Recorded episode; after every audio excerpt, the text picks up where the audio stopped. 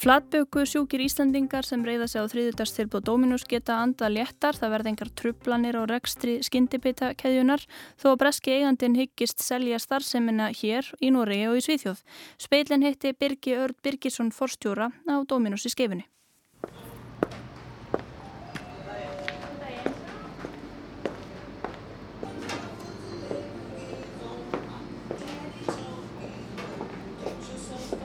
Það vinna tæplega 800 manns hjá keðjunni hér en forstjórin hefur gandast með að starfskýrnar séu fleiri, rúmlega þúsund kýr framleiði ostofan og pizzurnar. Fyrsti staðurinn opnaði við Grensásvegi Reykjavík árið 1993 og nú tæpum aldarfjörðungi síðar eru staðirnir orðnir 25 og víðum land. Það er ekki margar stórar alþjóðlegar keðjur sem gera það gott hér. Söpvi hefur auðvitað sterkar stöðu, KFC líka. Íslandingar eru oft saðir svolítið amerískir í háttum þegar kemur að skyndibita en samt gefast margar keðjur upp á okkur. Birgir Ört Birgisson, forstjóri Dominus og Íslandi, segir Ísland hafa reynst alþjóðlegum keðjum erfiður markaður. Ég myndi segja að hann var mjög erfiður. Þetta hefur svona verið ákveðin gravreitur fyrir alþjóðlegar skyndibitakeður, eh, meira heldur en nokkur starf annar starf í heiminu. Dæmin eru eiginlega endalus. McDonald's og Burger King, Papa John's, Krispy Kreme, Dunkin Donuts. Þetta er hérna engin smá nöfn og engin smá veldi en hérna þeir hafa ekki náða að klára dæmi hér. Eh, ástæðan markþætt. Þetta er erfiðu vinnumarkaður. Eh, við erum með mikla sveiflur í íslensku hagkerfi og ég held kannski að það sé erfitt fyrir stórar keðjur að aðlega sefn. Hann segir að Dominus hafi komið inn á markaðin á réttum tíma, látið sig hafa sveiflunar, verið samkeppnishæfkeðja og haldið stöðuleika í gæðum og þess vegna lifi hún af. Utanfrá séð hefur litið út fyrir að rekstur Dominus gangi vel. Fyrirtækið seldi pizzur fyrir 6 miljardægi fyrra og hagnaðist um halvan miljard. Stjórnendur sögði fyrir að innistæðu fyrir því að opna 6 nýja útsölustæði. Dominos Pizza Group í Breitlandi byrti morgun fréttatilkynningu í tengslum við uppgjör þriðja ársfjörðungs. Þar segir að félagið heikist selja starfsemi sín á Íslandi í Svíþjóð, Noregi og Sviss. Í tilkynningunni kemur fram að salan á þessum alþjóðlegu mörguðum félagsins hafi valdið vonbreyðum. Á Íslandi hafi verið 1% samdráttur milli ára og fækkun ferðamanna hafi þar haft áhrif. Birgir segir 1% samdrátt innan viðmunamarka. Markaðurinn hér hafi verið eitt besti markaður Dominos í heiminum. Hann segir þó að kjærasamningar í þingi veitingagerunum almennt og það sé að verða á hverjum mettun á veitingamarkaði. Fyrirtækið eigi eftir að skila góðu uppgjur í ár en það verði verið enn í fyrra. Markaðurinn hafi kólnað. Það verða líklega engar trublanir á rekstri Dominos á Íslandi þó að ég getu þetta ekki sagt fyrir um náttúruhamfarir eða slíkt. Þetta segir Nína Arnott, upplýsingafulltrúi Dominos Pizza Group, sérleifis hafa keðjunar í Breitlandi. Speillin sló á þráðin til hennar í morgun. Arnott segir að íslenski markaðurinn hafi ekki verið sérstatt vandamál. Þetta snúist í raun ekki um einn markað. Íslendingar elski pizzu, það hefur gengið vel hér. Það er ekki þið, segir hún, það eru við. Þetta snúist um hvað breska félagi telli best fyrir sig. Það vil ég einbytta sér að breska markaðnum og telli aðra betur til þess fallna að sjá um keðjuna í öðrum löndum. Þá helst fólk sem þekki betur til markaðarins á Íslandi og í Skandinavíu. Vinnan við söluferðlið er á byrjunaritt. Hún segir félagið ekki með neitt ákveðin kaupanda í huga en að líklegast verði öll starfsemmin í löndunum þremur seld á einu bretti til einhvers eins kaupanda. Það verðist skinsamlegasta leiðin þó hún veit ekki hvað verði. Birgir Bíldveld stopnaði félagi Pizza Pizza árið 1993. Birgir kom að rekstriðast til 2005. Landsbankin tók félagið yfir í mars árið 2011 og setti það fljóðlægi söluferli. Aftur kifti Birgir Bílveldauk hóps fjárfesta. Frá þessum tíma hafa bæst við 11 sölustæðir og starfsfólki hefur fjölga til muna. Birgir Bílveld kifti líka sérleifisréttin í Nóri og Svíþjóð. Dominus sótti í raun inn á þá markaði frá Íslandi. Árið 2016 kefti Breski sérleifishafinn Dominus Pizza Group helmings hlut af Birgi Bílveld með kaupunum fylgdi réttur til að eignast félagiði heilt. Í lók ást 2017 losaði Birgir sig við sinn hlut og í ágúst á þessu ári seldu Birgir Örd Fostjóri og Steinar Bræi Sigursson 4,7% hlut sinn í félaginu Pizza Pizza. Breski sérleifishafinn átti þá Dominus hér með húð og hári en nú tveimur mánuðum síðar vil félagið losa sig við allt saman. Ráðgert er að starfseminn hér verði áframundir merkjum stórfyrirtækisins Dominos. Þeir sem vilja kaupa þurfa því að kaupa bæði starfsemmina og sérlefið fyrir nafninu. Slík leifi geta verið dýr og svo er ekki víst að íslenskir fjárfestar hafi áhuga á starfsemin í Svíþjóð og Noregi síðan þannig. Í mars á þessu ári fór Dominos pizza á hausin í Danmörku. Staðinir 24 skellt í lás og fyrir því var ástæða. Frettamæður TV2 hafði sínt fram á alvarlegar brotalamir í hreinlætismálum.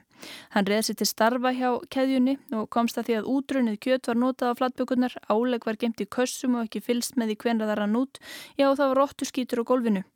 Það var Dominos skandalen sem kerði keðjuna í þrótt en ekki fyrir fullt og allt því sérleifis hafinn sem reykur keðjuna í Ástralju, Japan og Nýjasjálfandi hefur keift réttin í Damörku og ætlar að rýfa starfseminna upp. Ástralski fransjasinn hefur verið í sókn í Evrópu, reykur keðjun í Fraklandi, Belgíu, Hollandi og Þýskalandi og hefur almennt gengið betur í alþjóðlegu starfseminni en þeim breska. Koma þeir ástralsku kannski inn á markaðin hér? Mjög mjög er þetta spáðan það. Þeir eru mjög flott fyrirtæki sem hafa gert góða hluti viðsvegar bæði í Evrópu og Asju. Eh, þeir hafa mikla þekkingur einslu. En það eru margir aðrir aðlæðar sem komið til greina. Ég held að þetta sé eftir sókn að vera lönd að, að kaupa og fá sérliði fyrir og Ísland kannski sérstaklega en það hefur að ganga vel hér. Uh, heldur að nafniðin Bíldveld uh, eh, kaupið þetta kannski bara aftur eða hefur þú sjálfur áhuga að kaupa? Já, Sagan segir okkur að hann hefur komið nokkur sunnum að borði. Hann er mjög hæfur í, í, í rekstra á Dominós og mér finnst ekkert ólíklegt að hann muni skoða þetta tækifæri. Ég, ég segi það sama, eh, mér finnst þetta áhugverð tækifæri og, og svo verðum við bara að sjá aðeins hvernig spilin þetta borði. En uh, nú segir upplýsingafulltrúi Dominus Group uh, mér að, að það standi til að selja helst allt saman eða svona það sé líklegast hugnast það hugsanlegum kaupendum hér að kaupa þá líka upp markan í Noregi og Svíðþjóð? Sko ef það enda með því að þetta verður allt selt í einu lagi þá finnst mér ólíklegra að það verði íslenskir aðalega sem komið til leiks. Mér finnst líklegra að einhverju erlindir aðalega mun að horfa á það. En uh, ég ætla svo sem ekki útlöka neitt. Uh, nú hefur verið ákveðin samþjöppin á veitingamarkaði. Nýlega saminuðist Fútkó og Gleðipinnar. Kaupir kannski þetta saminnaða félag Dominus og samþjöppun ykst frekar? Já, aftur. Þetta er alltaf erfitt að, að spá fyrir. En að samanskapi, já, það er samþjöppun og ég held að verði meiri samþjöppun. Þetta er harður heimur saði Birgir Örd Birgisson.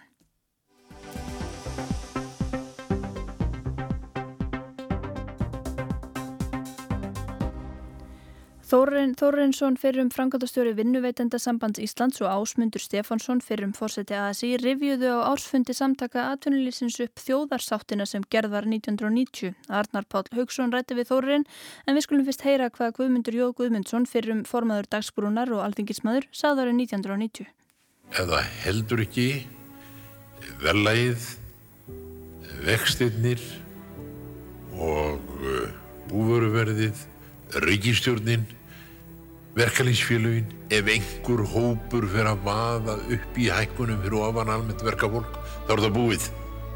Menn þurfa átt að sjá því að það verður að byggjast á gagfæmu, jafnræði á milli hópa. Það þýðir ekki að keira áfram einhverju sér hópar upp yfir aðra þá er það hrunið og það rínur yfir þá hinn að söm. Byrðing, saga var rifið upp eh, frá þjóðarsáttunni 1990 sem að þú tókst átt í. E, nú eru næstu því 20-30 ár frá þeim tíma. E, höfum við náð tökum á ástandinu þegar kemur að kjæramánu? Ég held að hafa ríkjur að segja það því að það er ennþá þannig að það er stöðt verið að deila um staðrindir, verið að deila um tölulega staðrindir og einhvern veginn á eh, þessir aðilar allir saman ekki tökum á því að, að setja upp svona talnagrunn fyrir því hvernig e, kaupmáttur er að þróast, hvernig kjör hinn að ímsóhópa er að þróast og kannski sakna maður þess mest að aðilum ber ekki gjafa til þess að horfast í augu við þá velgengni sem að Íslands efnæðisli hefur fætt af sér e, síðustu áratvíðina. Staðrindin er auðvitað svo að það er sama hvaða mælikvarða við berum okkur saman. Við erum stöndum framar í kaupmáttar þróun heldur nokkrir aðrir eh, sem við getum borðið okkur sama við. Og þetta er einhvern veginn ekki viðukjöndi umræðinni en þá er það svo að maður þarf að hlusta á það að eh, svona úr, úr einhverjum herbúðum koma lýsingar á kjörum, aðstæðum og, og, og efnahag og, og hérna lífstjörum eins og það væri að lýsa hérna fortir í helvítis. Það má segja það, þú talar um það þegar þú verið upp að kjaramál hefur verið allstaðar eitt aðalmálið öll ár og öllum tímum En nú má segja að 1919 kjaramál hafa sett svipsinn á þetta ár og það má segja jæfnilega að við séum bara já, komin halva leið. Getur þetta breyst núna, þessi stöðuleiki, er hún um að eitthvað litur ógna svo ég spyrir bara hreint út ef að ofinbæri starfsmenn semja á öðru nótum? Það hefur undrað mig afar mikið að lítil frétt sem að byrtist í, í hérna ríkisútarpinu og reynar fleiri fjölmiðlum á dögunum um, samaburð á heildarkjörum ofnbæra stafsmann á Íslandi miða við það hvernig e, þeirra e, hvernig ofnbæra stafsmann á hinnu Norrlundum hafa hefur enga aðtegli vakið. Ríkisútarpi flutti þar fjettir að ofnbæri stafsmann heildarlaun ofnbæra stafsmann á Íslandi séu 70% herri heldur en e, stéttabæraður þeirra í Svíþjóð. Þetta hefði mér nú ekki að fundist tilefni til þess að maður stöldur hufið og segðu býtu hvað eru við eiginlega stöld og að við þessar aðstæður standi ofinbæri stafsmenn á Íslandi og segi að það sé að þeim sé sínt vannvirða í kjaramálum er manni óstílilegt. Fyrst er að þess að vera gætu ógnað að þeim stöðuleika þeirri sátt sem er þó orðin vegna lífskjara samningana? Ég held að sé sammert með þessum samningu sem nú eru gerðir og samningunum sem gerði voru fyrir 30 árum að ef að stórir hópar e, brjóta sig út úr og ná að knýja fram einhverja alltaf aðra þróun sér til handa þá muni það raska jafnvæginu og endur veitja kröfur um, um e, hlýðstæða þróun. Þar með væri stöðuleikin fyrir vind, e, þar með væri þessi jákvæða þróun sem við erum að horfa á líka fyrir vind. Þannig að það er sannlega Það er sannlega hættur fólknar í því að þessi óleistar kjaradelur og stórum hluta vinnmarkaðins. Bara lokum uh, gengur okkur Íslendingum erfilega að uh, temja okkur öguð vinnubröð þegar kemur að uh, kjara samningum og samninga gerð. Alveg öruglega. E, það sem að stjórnvöld og heldasamtök og vinnumarkaðir gera núna er að koma upp, reyna að koma upp svona samrændum e, samanburðargrunni um tölfræði þannig að það veri auðveldar að tala saman og þurfa ekki að deila um allan talnagrunnin. Það getur horti heilla, sínist mér, en orðræðan hún er hættulega aukakent og tekur hættulega lítið mið af því hvað raunverulega hefur verið sótt gríðarlega mikið fram hér á landi síðustu 20-30 árin. Þetta var Þórarinn Vaf Þórarinsson, Arnar Páll Haugsson talaði við hann.